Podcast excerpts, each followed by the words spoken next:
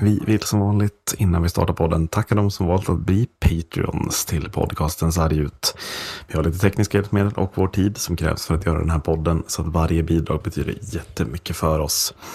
Vill man bli Patreon går man in på patreon.com sarg ut podcast och ger sitt bidrag. Stort tack! Grenberg. Grenberg går via sarg bakom huvudet. Så vi får in framför. Där kan vi mål! Alltså, Sundin gör 1-0 för Sverige! För Claesson och där är kvitterat! Och så kommer lägget och pucken ligger fri och den går i mål! Zibanejad, har ni sett? Har ni sett?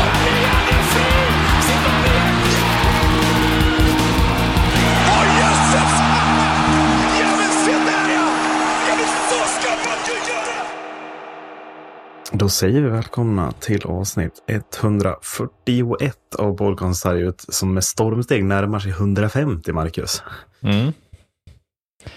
Så är det. Så är det, sjukt nog. Uh, känns som att det blir, det blir en, en perfekt läge att ha en väldigt hockeyallsvensk tung podd sett till att SHL inte har spelat några matcher den här veckan.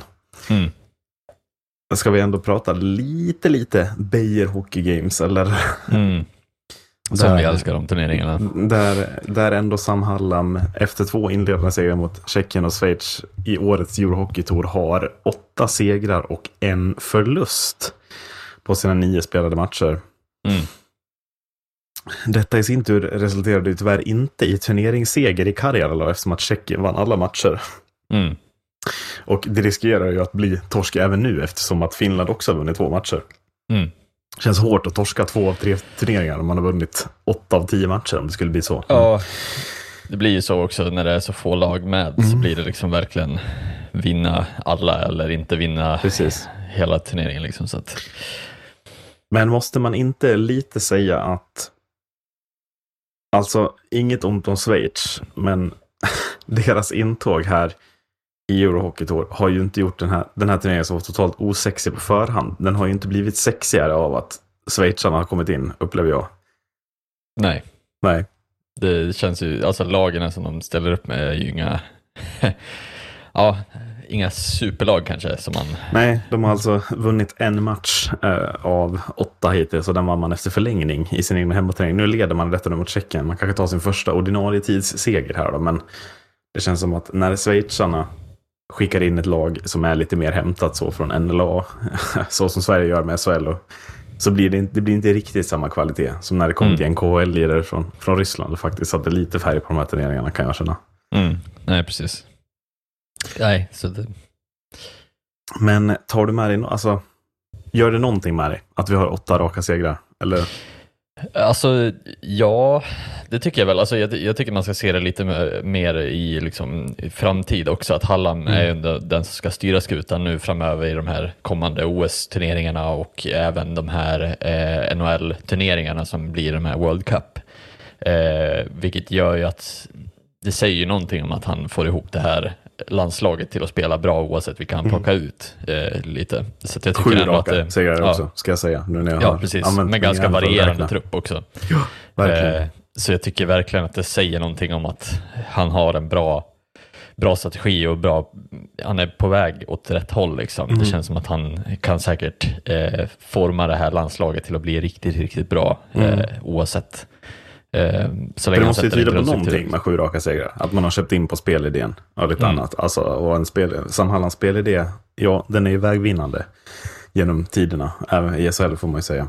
Mm. Så att eh, det känns ju kul om, om landslaget också kan liksom komma in i den. Så känns det ju verkligen som att man har mycket att vinna. Eller det är ju vinnande strategi.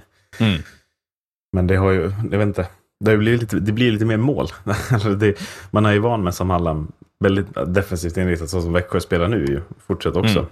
Men att eh, det är ju mer vinster med så 5-3 än vad det är med 2-1 och, och sådana grejer. Men det kanske mer har att göra med att när man väl är på landslagsläge vill man göra lite offensiva grejer.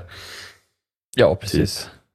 Ja, och sen är det väl bra om man kan liksom få, få utväxling av, av sina toppstjärnor också och, mm. och få dem att göra mål. Jag menar, eh, det är en trygghet i att veta att försvaret fungerar men att de kan chansa lite offensivt också för att, för att liksom verkligen stänga ner de här matcherna och det gör de ju väldigt välförtjänt med 5-2, 4-1. Mm. Eh, så att, ja, jag tycker att det, ja, jag det... menar Schweiz igår, man leder med 5-0 dessutom efter ja. två perioder. Alltså, det är ju snarare ja. att man drar, ner, drar av på takten fullständigt sista och låter schweizarna mm. göra två. Men det är ju väldigt, väldigt bra fram till ja. sista pären. Absolut, sen tar ju också eh, Schweiz tar ju en 10 minuter där, eller en game. En, ja, liksom 10 plus 5. 5 plus 10, eh, ja. Marchon gjorde, åkte på en charging där. Klassisk känd spelare. ja, precis. Så vidare. Mm. Nej, men att alltså, han tar ju med alltså, ganska begränsade spelare också. Jag menar, Sebastian Hartman har ju mål i den här landslagsturneringen. Mm. Det är väl kanske ingen spelare jag känner kommer spela något VM. Mm. Men han, han, har ju, han, har, han tar ju verkligen ut i nästan nya trupper varenda gång. Och det mm. känns ju som lite fräscht och lite kul att när det är nere i Schweiz är det fler schweizare och så vidare. Och så vidare att man, man plockar lite från vart man är i, i världen också. Att man gör en mm. sån grej att schweizarna kan Schweiz bättre, då får de spela där. Så. Ja, men också så här att han har en, alltså så det handlar inte om att han plockar vem, vem eller vilka som helst heller, utan han plockar ju liksom spelare som ändå gjort det bra, eh, som är spännande att liksom kolla på. Det är liksom inte, det är inte bara spelarna som man vet exakt vad man får av heller, utan jag tror att han, han tänker lite så här, okej, okay, men får se hur han klarar eh, landslagsuppdraget eh, mm. lite också. Så att, ja, någonstans, även om man så här, det är väl lite några få namn som är liksom fortfarande så här, Della Rose, jag vet inte riktigt. Jo, men jag, jag menar liksom, men... att han tar, när han tar ut så mycket spelare, är inte det jättepositivt att alla får känna på den här spelidén? Så att lite mm. oavsett, alltså att det finns en jättestor bank av spelare som vet vad som förväntas av dem när de kommer till mm. Sam Hallands spelidé. Ja, det kändes ju som att de tidigare höll ihop ganska tajta trupper även de här Eurohockey-turneringarna och förberedde mm. dem ett helt år för VM. Ja. Snarare än att Hallam nu har förberett jättemånga spelare så att när det väl kommer till kritan av VM, ja då plockar han de 15 hetaste typ. Mm. Vet uh, exakt vilka som passar in jo, i, ja, men precis. Men att det, om, liksom, om Jesper Fredén har gjort 10 mål på 10 matcher då, då kommer han in för han har fått chansen också. Alltså sådana mm. typer av grejer. Att jag tror att det är bra, man, kan, man, man lär ju ha de som är heta för dagen också. Mm. För att om de tappar formen i fel läge, då kommer man in, då blir det, då blir det så här onödiga tapp i VM. Mm. Nu åkte man ut mot Lettland senast, i övrigt så städar man ju av ganska mycket motstånd. Det är väl det vi hoppas på igen. Men att mm. skaffar man sig en bra position i gruppen, vilket vi gör om vi städar av motstånd där, typ Frankrike och andra rövlag, liksom, då är ju vägen till semifinal väldigt öppen. Nu hade vi lite oflyt och fick möta ett Lettland som gjorde sitt livsturnering med hemmapublik och allt vad det innebar. Mm. Men att eh, får man möta Lettland nu, när det inte är i Lettland, så är känslan att vi kanske vinner ganska lätt även i kvarten. Ja, och sen semi, det är en match seger, sen är man framme i final. Mm. Och final är ju alltid godkänt, oavsett hur det går där. Liksom.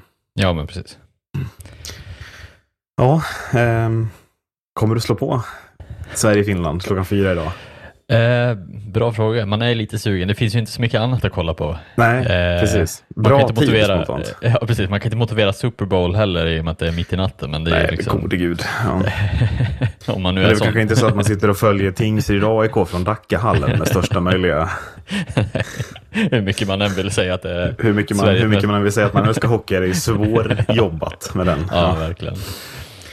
Eh, men du, vi tar en bumper så pratar vi lite allsvenskan. För det är en allsvenska som väl nu är skiktad och klar va? Med ja. ungefär nio omgångar kvar. Mm. Tio omgångar kvar, sisådär. Mm.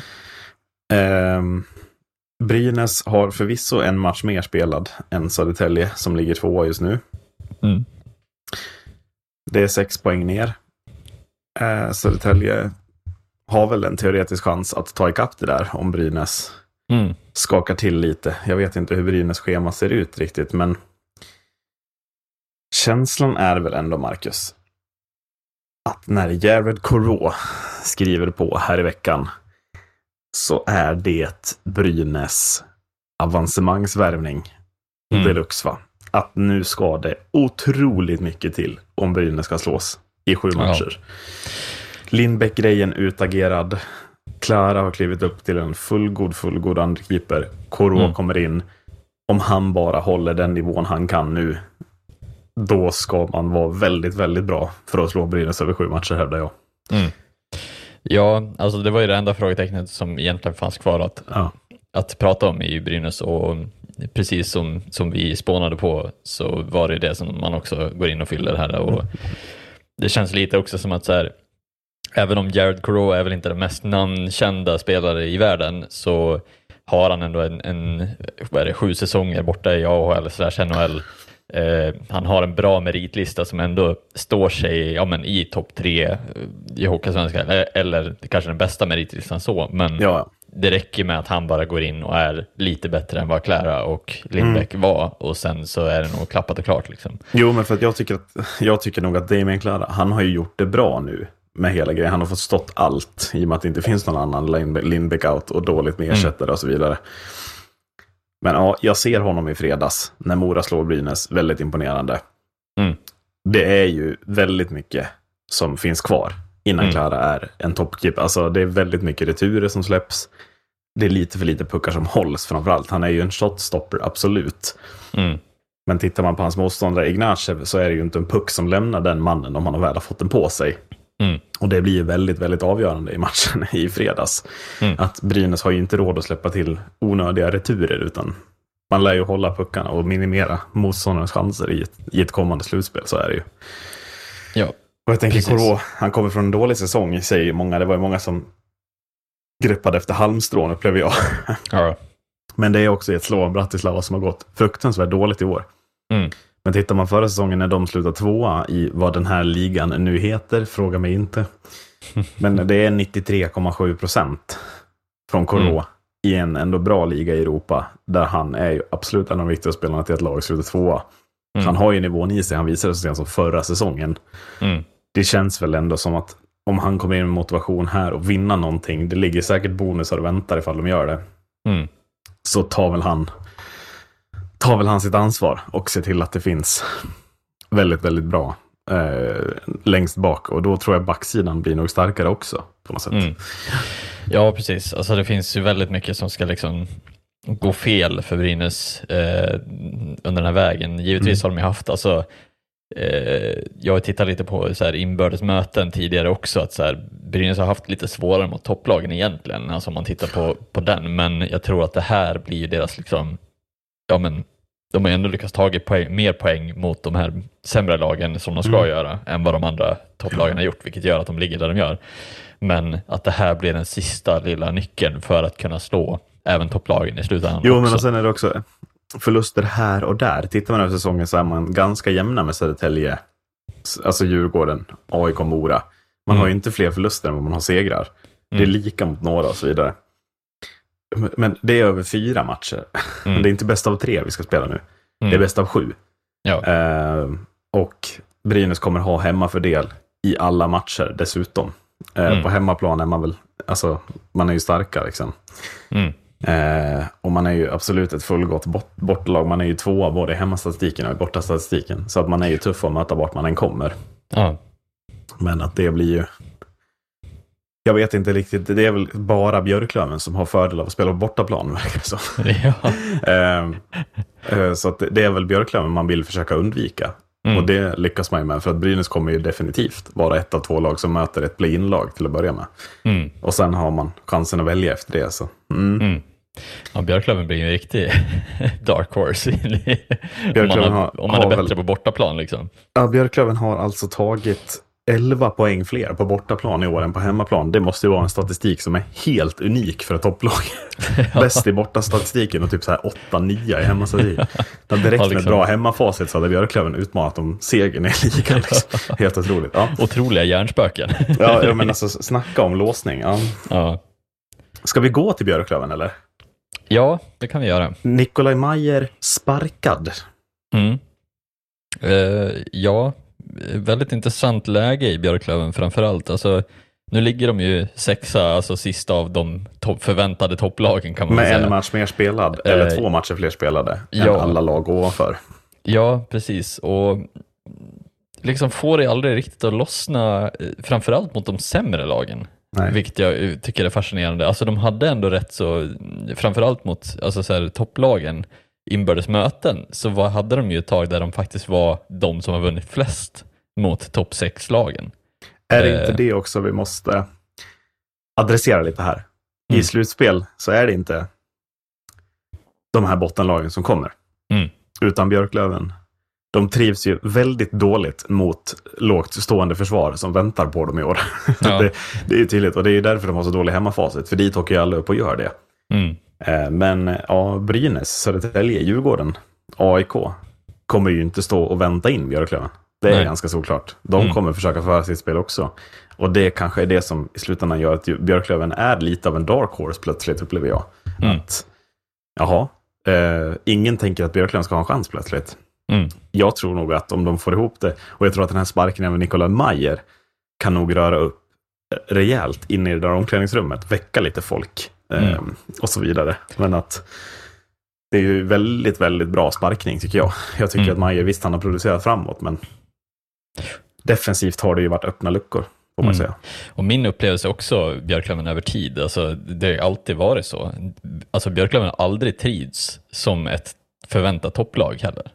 De, de, på något sätt så, så känns det som att ju mindre chans de har att, att eh, liksom vinna, eller ju bättre blir de. Mm. Lite att så här, man tittar på hur, hur de spelar mot de här andra lagen och försöker spela lugnt och harmoniskt eller försöker göra någon fin flippmacka. Det funkar liksom inte för dem eh, och spela kontrollerat. De ska ha lite vilda västern-stuk på Mm. sitt spel för att det ska frodas helt och hållet. Liksom. Framförallt så har ju Viktor Stråle misslyckats väldigt mycket med en spelidé som funkar mot de här uppställda försvaren. Alltså, Mm. Jag, förstår, jag förstår inte hur de kan gång på gång, alltså de, de verkar, de verkar liksom justera för lite i det också. De bara Mm. fortsätter att tro på det, men ändå så är det fortsatta problem mot Almtuna, mot Bika Skoga ska vi inte prata om. Östersund förlorade de mot här i veckan. Man åkte Mm. ner och förlorade med 5-0 mot Västervik. Man har ju generella problem och det, det, det är Mm. därför de skriker ut på Twitter, Björklövarna. Ja, men vi har så problem med Smålandslagen. Ja, det är för att Smålandslagen ligger allihopa typ botten åtta. det är bara Ja, det är botten åtta ni har problem med. Det är inte Smålandslagen. Det är bara botten åtta.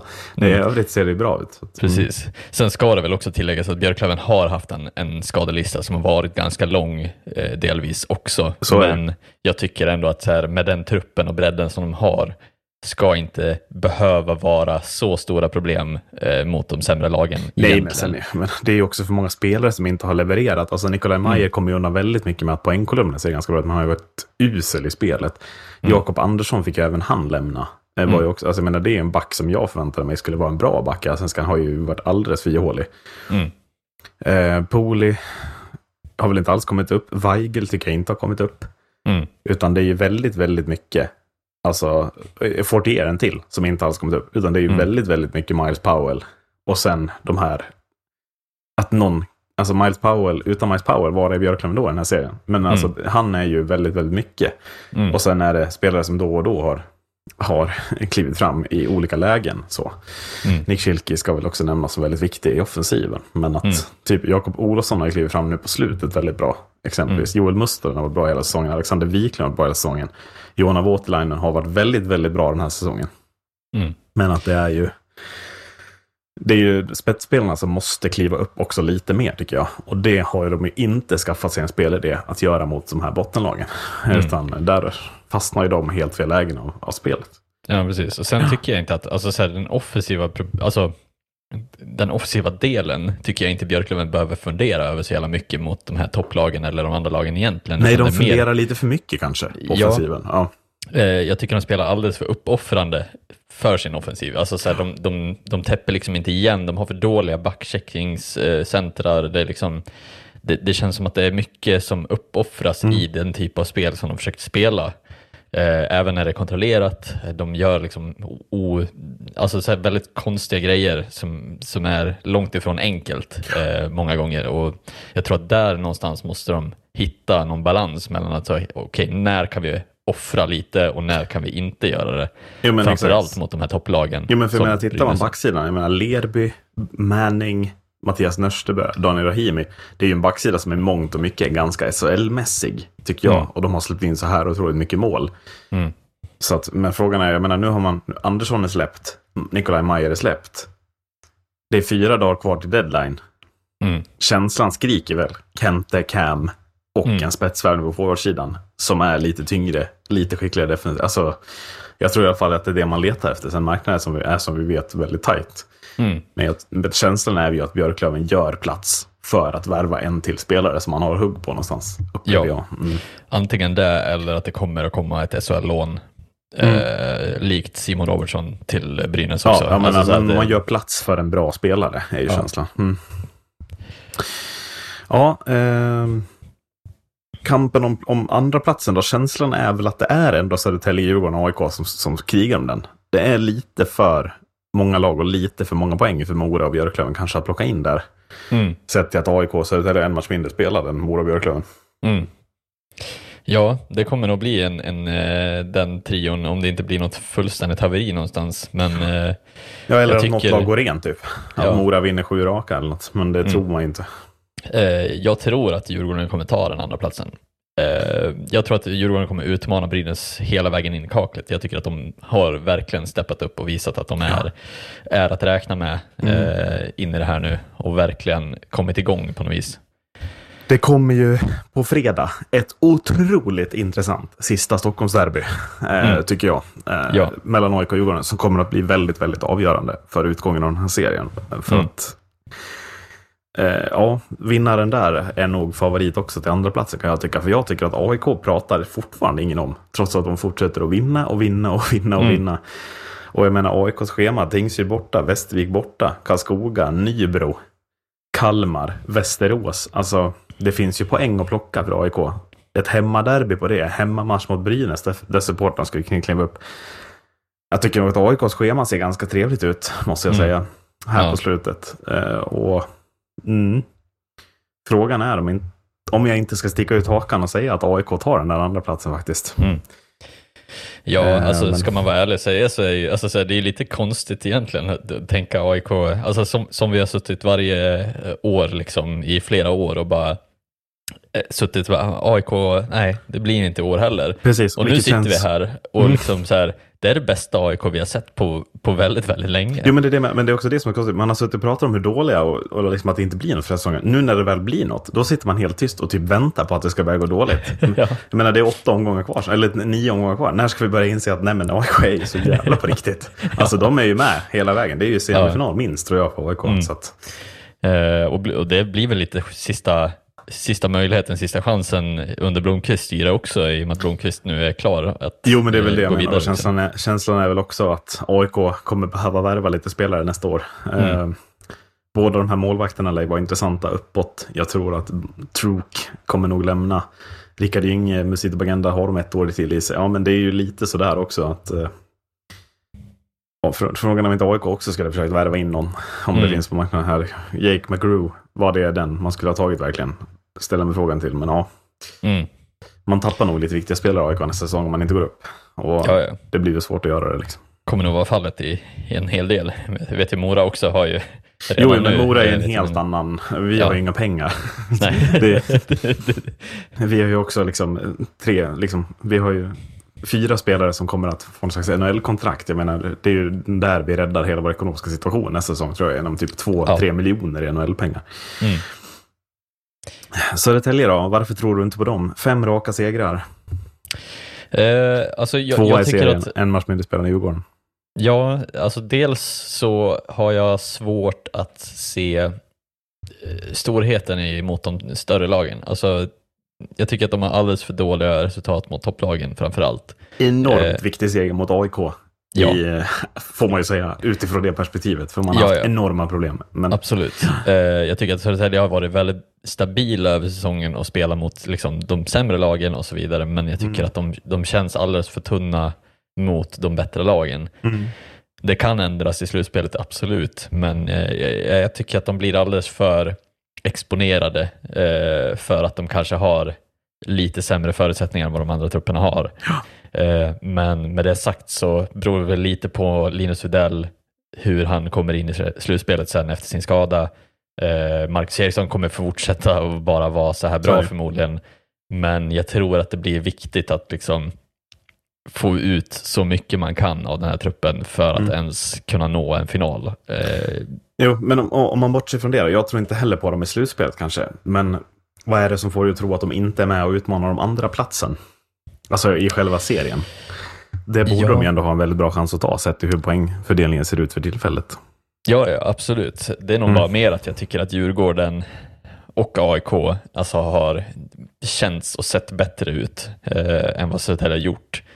Eh, Djurgården kommer att ta väldigt många poäng nu på slutet, är jag ganska övertygad om. Mm. Sen beror det ju som sagt på, det är som du säger med Stockholmsderbyt också. Eh, AIK har ju varit lite starkare där på, på Stockholmsderbyna i år, men ja.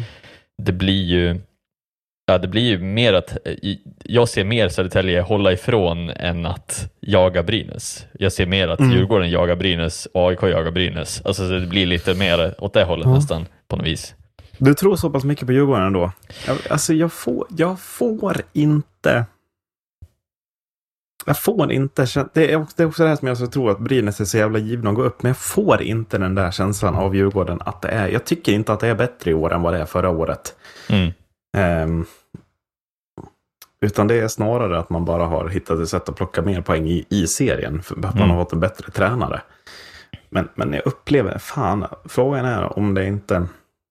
Jag ser inte hur Djurgården ska ta sig till final alltså. Jag säger, jag säger så här, skillnaden för Djurgården, den stora anledningen till att jag tror att Djurgården går, det är ju att Marcus Kryger är frisk.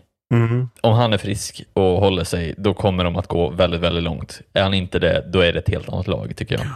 Men har man eh. tillräckligt mycket spets i laget i övrigt? Målvaktssidan? Hugo mm. Hävelid, känner du att åh, det är en keeper som... Om vi jämför lite alltså, keeprar liksom. Koro ja. i Brynäs, Voutilainen, Ignacev, AIKs duo. Mm. Nej, nej, nej, nej, nej, nej, nej. Kom nej. inte och försök tro att, eller visa mig att, att Djurgårdens målsida har något att hämta mot de keeprarna. Nej, alltså, alltså jag, jag vill ju försöka vara så kritisk. Alltså så här, jag har ändå varit kritisk mot Djurgården under här säsongen. Jag tycker att det är väldigt mycket konstiga beslut som man tar mm. vid, vid olika tillfällen. John Dahlström är en av dem. Eh, framförallt också när man väljer att ställa in Lidö som har stått en match eller två eh, mot liksom, topplag som Brynäs.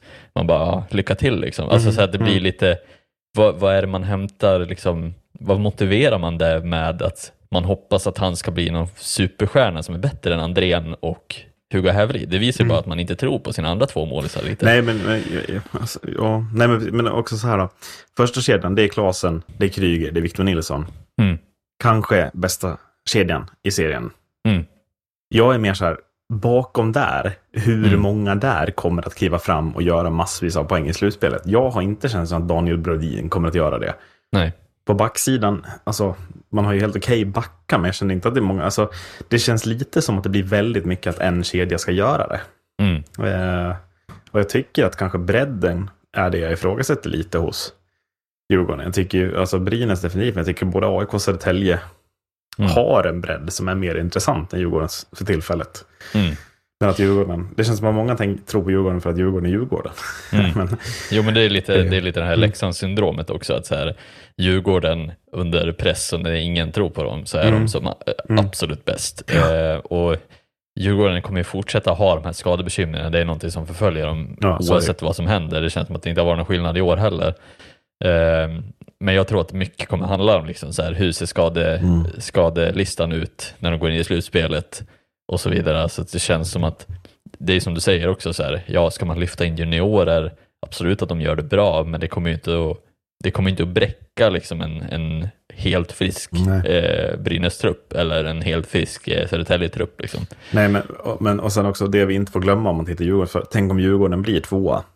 Mm. Då har man ju hemmaplansfördel ända fram till finalen. Ja. Och på Hovet i år har man ju varit i stort sett oslagbara. Man tappar ja. några under Garpenlöv i början där. Men alltså man har tagit 52 av 66 poäng på hemmaplan. Ja.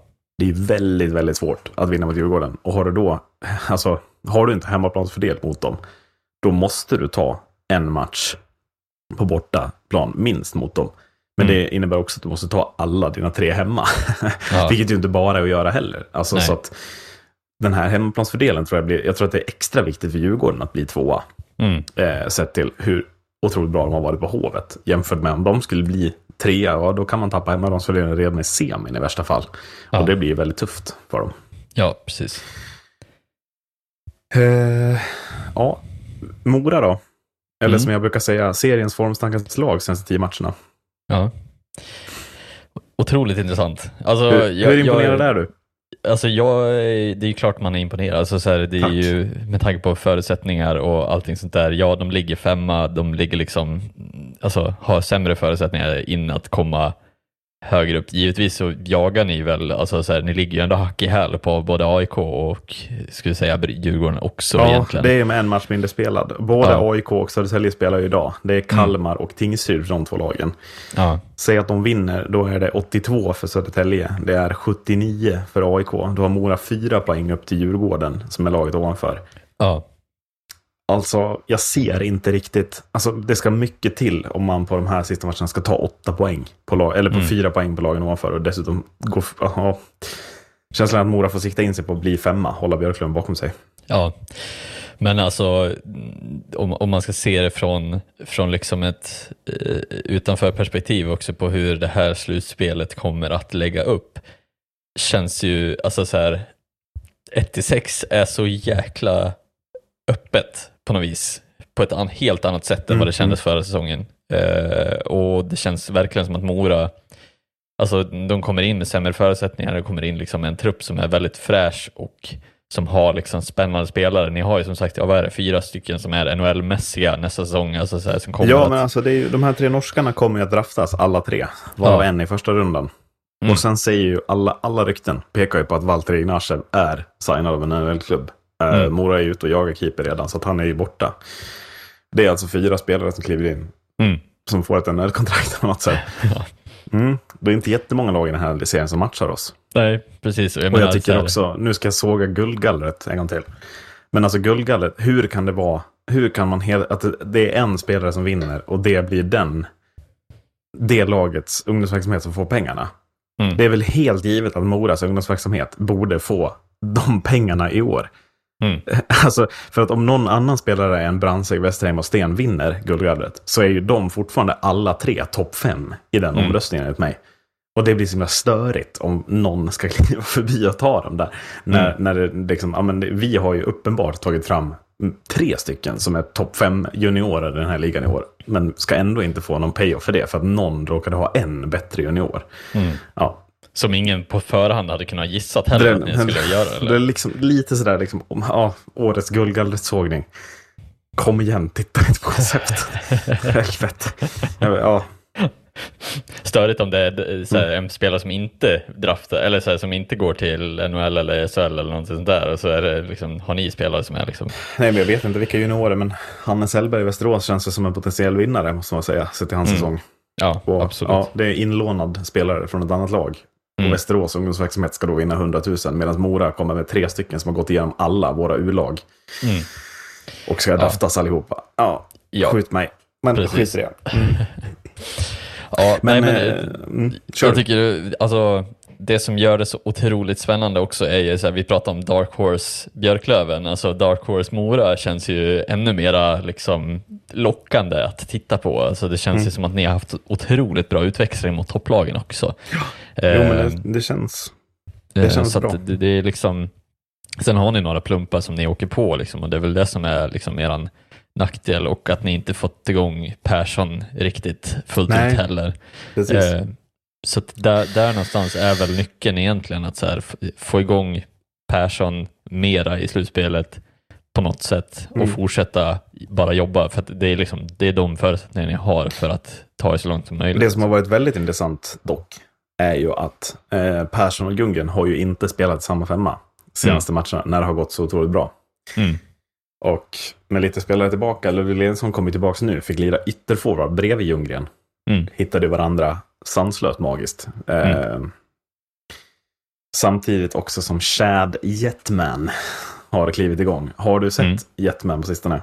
Nej, jag missade Vilken det. jävla spelare alltså. Eh, Han kommer ju vara, tyvärr, förlorad för oss, är jag rädd, nästa säsong. Men han har, sitter nog inne på ett riktigt jävla bombslutspel om han mm. håller i den här formen. Alltså det är... Eh, det är mm. ruskigt, ruskigt bra. Mm. Ja, men alltså, bara prata om dem, alltså värvningsprickarna ni gör den här säsongen. Mm. Mm. Alltså det där tycker jag också talar lite mer för varför ni har bättre förutsättningar än vad typ Björklöven har eller AIK Jo men jag menar Ignacev, typ seriens bästa målvakt, Lavainen, topp 10 backar utan problem. Jetman mm. kliver ju upp nu riktigt, riktigt bra. Men titta också en sån som Josef Berger, som ju efter jul bara har exploderat. Alltså han kommer kliva in i slutspelet som en, som en väldigt viktig back för oss också. Mm. Eh, så det är ju... Mm. Ja, men det, det, vi, vi, kommer ha, vi kommer ha en väldig bredd. Alltså alla, alla kedjor kommer storma för oss. Men det viktiga mm. är att vi inte har prickat formen för tidigt, vilket jag är lite rädd för. Ja. Eh, det är åtta matcher kvar innan slutspelet börjar. Mm. Och man hinner tappa form på den tiden, är rädd. Ja, så är det ju. Vi kliver ner under strecket då. För topp 6 är väl klart? Ja. Det är väl de sex lagen. Det, det, händer, det finns väl ingen möjlighet att något lag under. Ska vi konstatera snabbt att det kommer nog vara ganska, ganska fördelaktigt att bli topp två inför slutspelet. Sett till mm. vilka lag som väntar i eventuell kvartsfinal. Där alltså två av lagen, Nybro, Almtuna, Kalmar, Karlskoga och kanske Västerås, ska, ska mötas. det, ja. Alltså de, de som kniper andra platsen kommer ju ha en väldigt viktig fördel inf, alltså inför semin. Där, mm. Säg att då Södertälje tar andra platsen det kommer ju vara ett betydligt mer tröttkörd Djurgården, AIK, Mora, Björklöven som väntar. Mm. Än vad som hade väntat om man, hade, om man själv hade behövt bli trea till sexa. Ja, är ju precis. Mm. Sen vill jag väl fortsätta och, och lysa lite alltså beröm över Nybro och Kalmars intåg här. Eh, jag tycker att de kryddar otroligt mycket eh, av vad det är för typ av eh, mittenskikt som vi har skapat här i Hockeyallsvenskan. Jag menar, alltså, alltså, Liljas arena, om Nybro går till slutspel, den rasar väl till grunden. Ja. alltså, det är sånt sanslöst tryck i den här ladan. Alltså. Eh, så Nybro, det är ju det fräschaste vi har sett i den här ligan på jag vet inte hur många år. Ja, eh, absolut. Liksom. Jag menar, Kalmar ska ju också ha en... en alltså... ja, ja, och Kalmar kommer ju bara fortsätta bygga. De blir bara ja. bättre. De kommer ju få mer pengar och, för varje säsong som går, där de gör det bra. Liksom, så att... Ja, precis. Och jag menar, se, få de här att vara kvar till nästa säsong också. Alltså, kryddan i att ha ett sånt derby som mm. det där är. Jag vet inte om du har sett något av dem där. Ja, men det är ju hat. Alltså, man har ju förstått det som att det är otroligt mycket hat mellan de här två lagen. Alltså, ja. Ja men alltså det, arenan kokar. Alltså jag, jag satt och kollade senaste matchen. Alltså det, jag, jag, brände liksom 400 kalorier på 10 minuter. alltså det, var, det stod typ 3-3 efter. Jag bara så vad är det som, vad, vad är som ja. sker liksom? Och så var det något bortdömt mål där. Alltså, ja, men det, det var, var liksom... väl, Gollod gjorde mål. Domaren ja. såg inte att den var inne. Kalmar kontrar och gör mål. Och sen ja. ringer han och säger att Gollod har mål och så blir det bort. Ja, det var ju, ja. jag, jag satt det som om årets... det var liksom en actionrulle. Det, var liksom det, är liksom en, helt... ja, men det är en av årets sjukaste matcher, den 6-5-segern för Kalmar. Den är helt brutal. Ja. Absolut. Absolut, alltså, så att någonstans, vi måste berömma alltså bara konceptet att ha två lag som kommer upp nya och fräscha som faktiskt har ett, ett derbymentalitet mellan varandra. Alltså det är otroligt. Mm. Sen också med alltså, så här, Almtuna, Karlskoga, Västerås. Alltså det är klart att det är de som jag ändå förväntade mig skulle vara där någonstans mm. i, i liksom mittskiktet också. Västerås, lite av, eller ja, lite, jättebesvikelse. Ska vi spara lite, Västerås ja, lite? Vi stannar absolut. kvar vid, men, vid nykomlingarna, tänker jag. Men vad, vad, ser vi Nybro och Kalmar kan göra då? Alltså, jag ser ändå Nybro som favoriter till att gå till slutspel, mm. oavsett. För de kommer med största sannolikhet få två hemmamatcher i play-in. De mm. är väldigt, väldigt starka på hemmaplan. Mm. Eh, jag tänker att ett ett Nybro som går till kvartsfinal återkomstsäsongen. Det är väl så mycket, alltså det är ju med råge godkänt, alltså det är mer än det. Det är väl, det är väl MVG. Alltså det är mm. väl det det är. Ja. Man kan inte nå högre än kvartsfinal med den truppen, med de förutsättningarna. Och når man dit så är man väl så himla, himla värda högsta betyg för den här säsongen, tycker jag. Mm. Om, om det är det, och det tror jag verkligen man gör. Så att. Ja. Jag, jag, ser, jag ser Nybro och Almtuna som två Eh, de två lagen som jag ser främst ja. att ta sig vidare till slutspelet. Mm. Almtuna tycker jag har steppat upp och varit liksom bättre och bättre hela tiden, men tyvärr så det är inte ett jättecharmerande lag kanske. Så, Deras publiksiffror blir väl väldigt avgörande för att de är... Ja. Alltså, jag, jag, tycker att laget är charmigt. Det finns många bra, intressanta spelare som mm. är roliga att följa Almtuna. Men det blir så himla, himla överritat med liksom, av att den, det ekar tomt i ja. Gränbyhallen dessutom, som inte är den mest charmiga arena man skådat i sitt liv. Nej. Eh, borta stå under. ja, men borta stå ligger ju, jag, jag, jag säger det, men det känns som borta stå att man står under isen och tittar på borta. Alltså det är unik ja. borta stå. Ja. Mm. Men eh, utöver det så, så, tycker jag verkligen att det är Antun och Nybro som, som plockar den här också. Ja. Eh, Bika har, har varit alldeles för ojämna i år. Mm. Eh, Västerås, om de kommer in och tar den där sista platsen, jag ser inte att Västerås har... Nej, men de är ju så utcheckade så det... Ja. Men Karlskoga, det är väldigt intressant. De hade ju alltså, vad var det? En, två, tre, fyra, fem, sex, sju, åtta, nio, tio segrar på elva matcher där ett tag, va? Tror jag. Mm. Eller om det var nio på tio. Mm. Um, sen åker man ju på, man åker till Hovet och förlorar mot AIK. Inte så mycket om det. Mm. Uh, förlorar hemma mot Brynäs med liten marginal. Mm. Förlorar borta mot Mora i förlängning. Mm. Uh, ja, sen åker man till Kalmar och förlorar och sen är det två raka förlängningstorsk mot Södertälje och mot Djurgården. Alltså man har haft ett väldigt tufft schema Karlskoga. Mm. Så de här sex raka förlusterna Gud vad folk tar hårt på dem. Jag menar, titta mm. på schemat. AIK borta, Brynäs hemma, Mora borta, Kalmar borta, Södertälje hemma, Djurgården borta. Alltså, det är ett fruktansvärt tufft schema. Och visst, man förlorar sex av sex matcher. Mm. Men är inte Karlskoga också lite av en dark horse in i slutspelet? Om de nu, när schemat förhoppningsvis vänder, vilket jag tänker att det borde göra. ja, ja, man ska möta Almtuna hemma, alltså lite sådär. Det väntar ju lite enklare matcher. Mm. Borde, har inte Karlskoga chans att kliva upp kanske och bli åtta? Kanske få mm. hemmaplansfördel i play-in. Mm. Om man liksom håller i det här spelet. För uppenbarligen har man hittat ett spel. Som är, jag menar det är alltså tre saddentorskar mot de här tre topplagen bland annat ja. inblandat i det här. Mm. Eh, så jag, jag, tycker att, att, man är väldigt hård mot Karlskoga. Visst, sex raka torsk är ju aldrig bra, det kommer jag inte säga. Men schemat mm. är ju bombtufft där man har börjat förlora också. Ja, precis, och det är inte övertygande förluster heller. Alltså... Nej, nej, men det, det är ju inte så att man är krossade. Man är ju med i varenda match, fram till mm. förlängning i tre av dem dessutom. Ja, mm. ja så nej, absolut. Om, om de nu tar sig vidare och kanske får nytt blod i, mm. i det, så absolut att jag skulle kunna säga att vi Karlskoga också men det, det, krävs liksom en jämnhet som, som kommer till dem. Liksom att det, det, känns inte riktigt som de har haft den typen av så här, de har ju alltid varit det här topplaget som bara har hängt med och legat med och sen blivit liksom utraderade i slutspelet. Men, I kvartsfinal och känns som att det är där man hamnar igen, mm. eventuellt. ja, ja, absolut. Ja. Det, det, det, är liksom ingenting som eh, och det hade ju varit lite charmande ändå att, att få in dem också igen. Men eh, ja, nej, mm. jag, jag har svårt att se att jämnheten kommer att komma till dem bara. Eh, det, ska, mm. det ska till något alldeles extra, tror jag. Ja. Eh, Kalmar ligger ju, alltså man ligger ju så bra till för att komma mm. till play-in. Och jag menar, hur, om vi pratar om ny, MVG för Nybro, hur mycket MVG är det för Kalmar då? Ja. Som, som, jag menar, vi satt ju här och tippade dem sist. Tok sist mm. tippade de. Många tippade ja. dem sist. Sist ja. skulle de bli. Det var, jag menar, allting handlade om att undvika nedflyttning. Mm. I detta nu är man alltså 20 poäng från playout-plats. Mm. 20 poäng. Ja, ja men alltså det... hur mycket hatten av för hat, hat, hur mycket hat står den av? Nej, förlåt. eh, för Kalmar.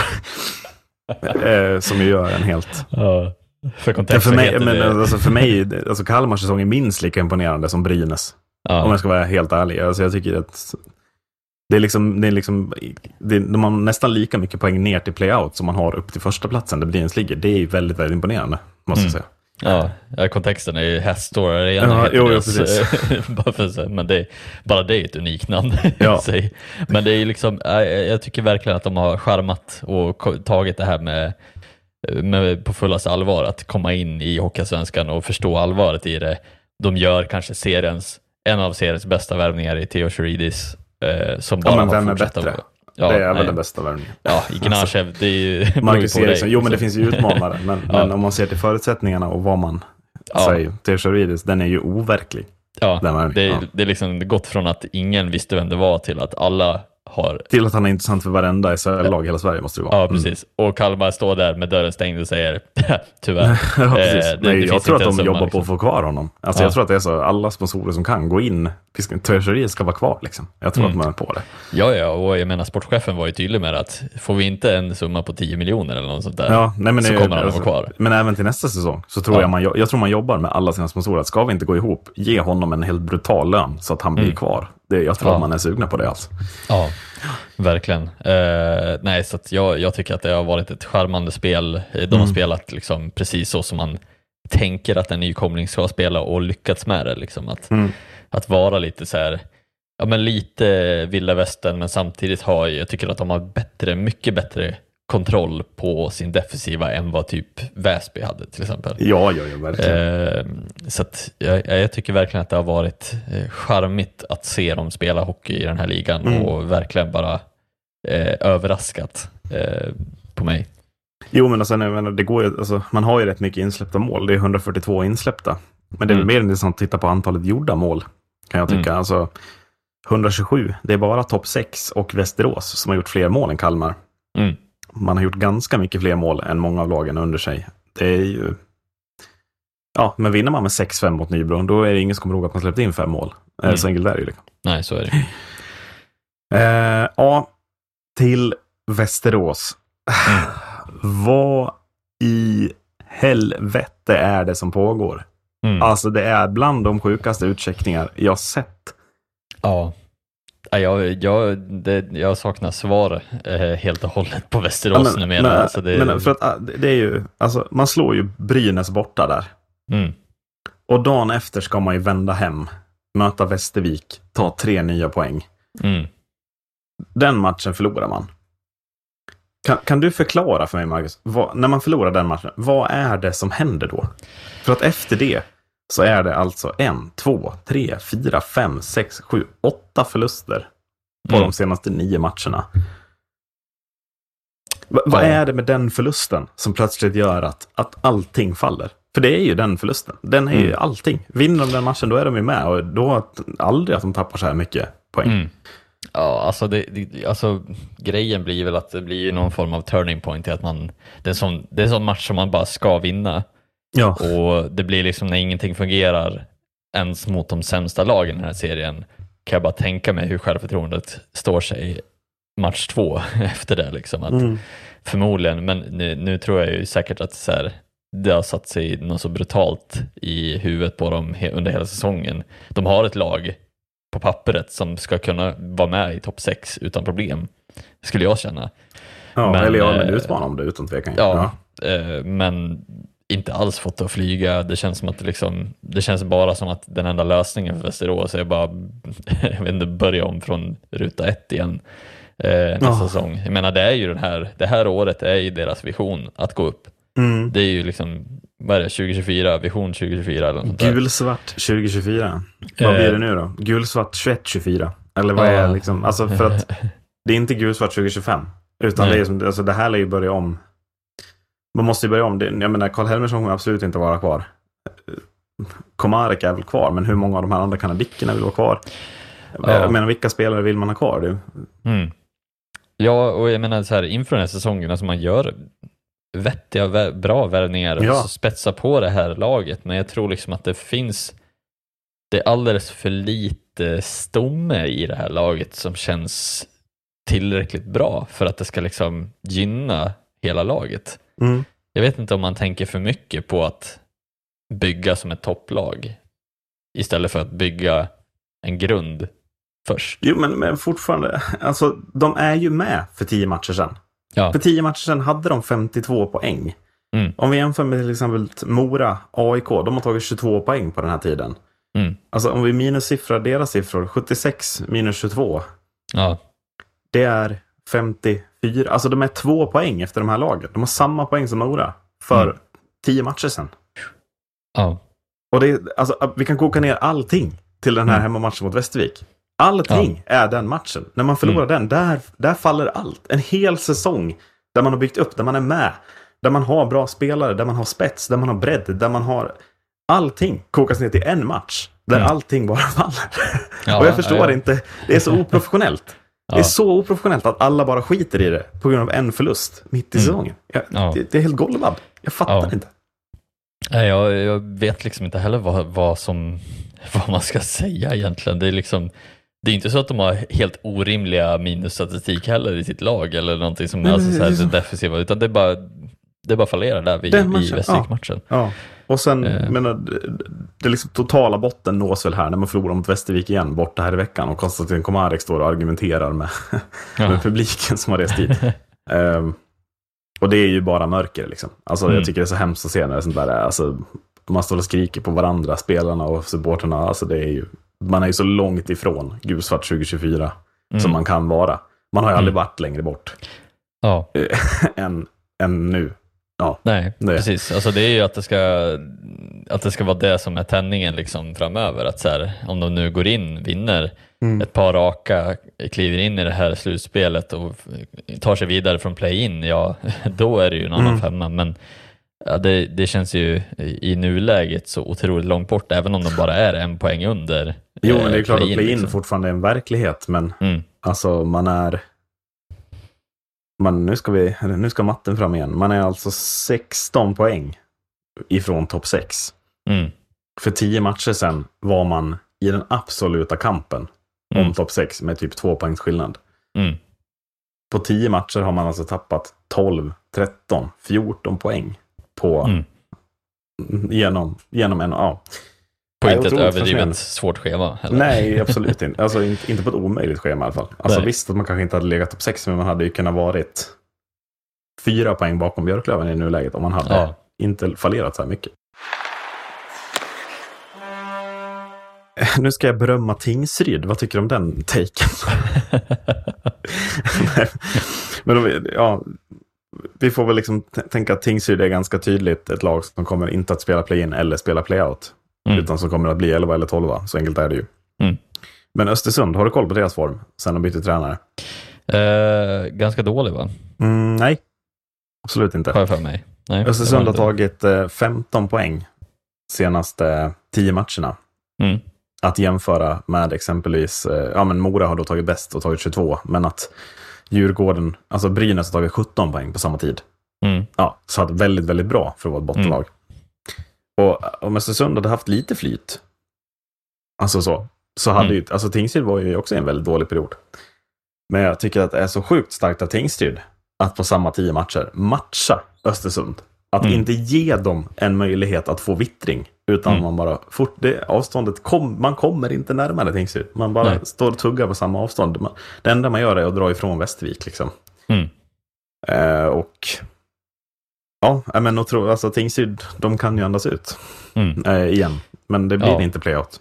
Det Nej. kommer att bli Östersund och Västervik. Och jag vill mest bara, jag tycker det är sjukt imponerande. Mm.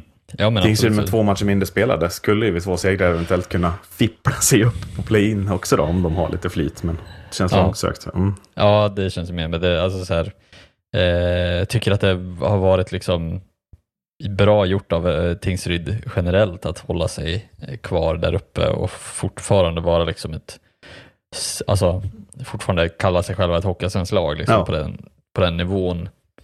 Eh, Östersund, jag vill ju att Östersund är kvar, det är ju bara för att jag är lite, eh, liksom, vill ha kvar det här, alltså norrländska derbyt mellan Björklöven och Östersund. Det är väl typ mm. en anledning som jag känner. Jag tror att det inte finns någon i hela Hockeysverige som inte vill ha kvar Östersund, om vi tittar på vilket annat lag som ja. är i botten. Mm. Nej, precis. Men jag tycker det, ja, det blir svårt för dem att hämta igen där. Givetvis vill de ju bara visa upp den här formen för att kunna mm. bara ja, torska ut Västervik ur den här serien sen i playout. Liksom. Men det, ja, jag tycker att det är imponerande av, av både Östersund och Tingsryd egentligen, alltså att ta så många poäng som de har gjort. Eh, sen är det ju, vad är det, 12 poäng upp till Tingsryd, så det ska ju mycket till de här sista matcherna. Ja, Tingsryd har ju två matcher mindre spelade dessutom. Ja, dessutom. Eh, så att, um... Det ska, det ska vara ett haveri utan dess like. Ja, men då ska ju Tingsryd nästan typ förlora åtta av tio matcher. Och ja. Östersund ska ju vinna nästan sju, ja. åtta matcher. Det känns ju väldigt precis. osannolikt ja, ändå. Det... Så bra är inte Östersund. Nej, precis.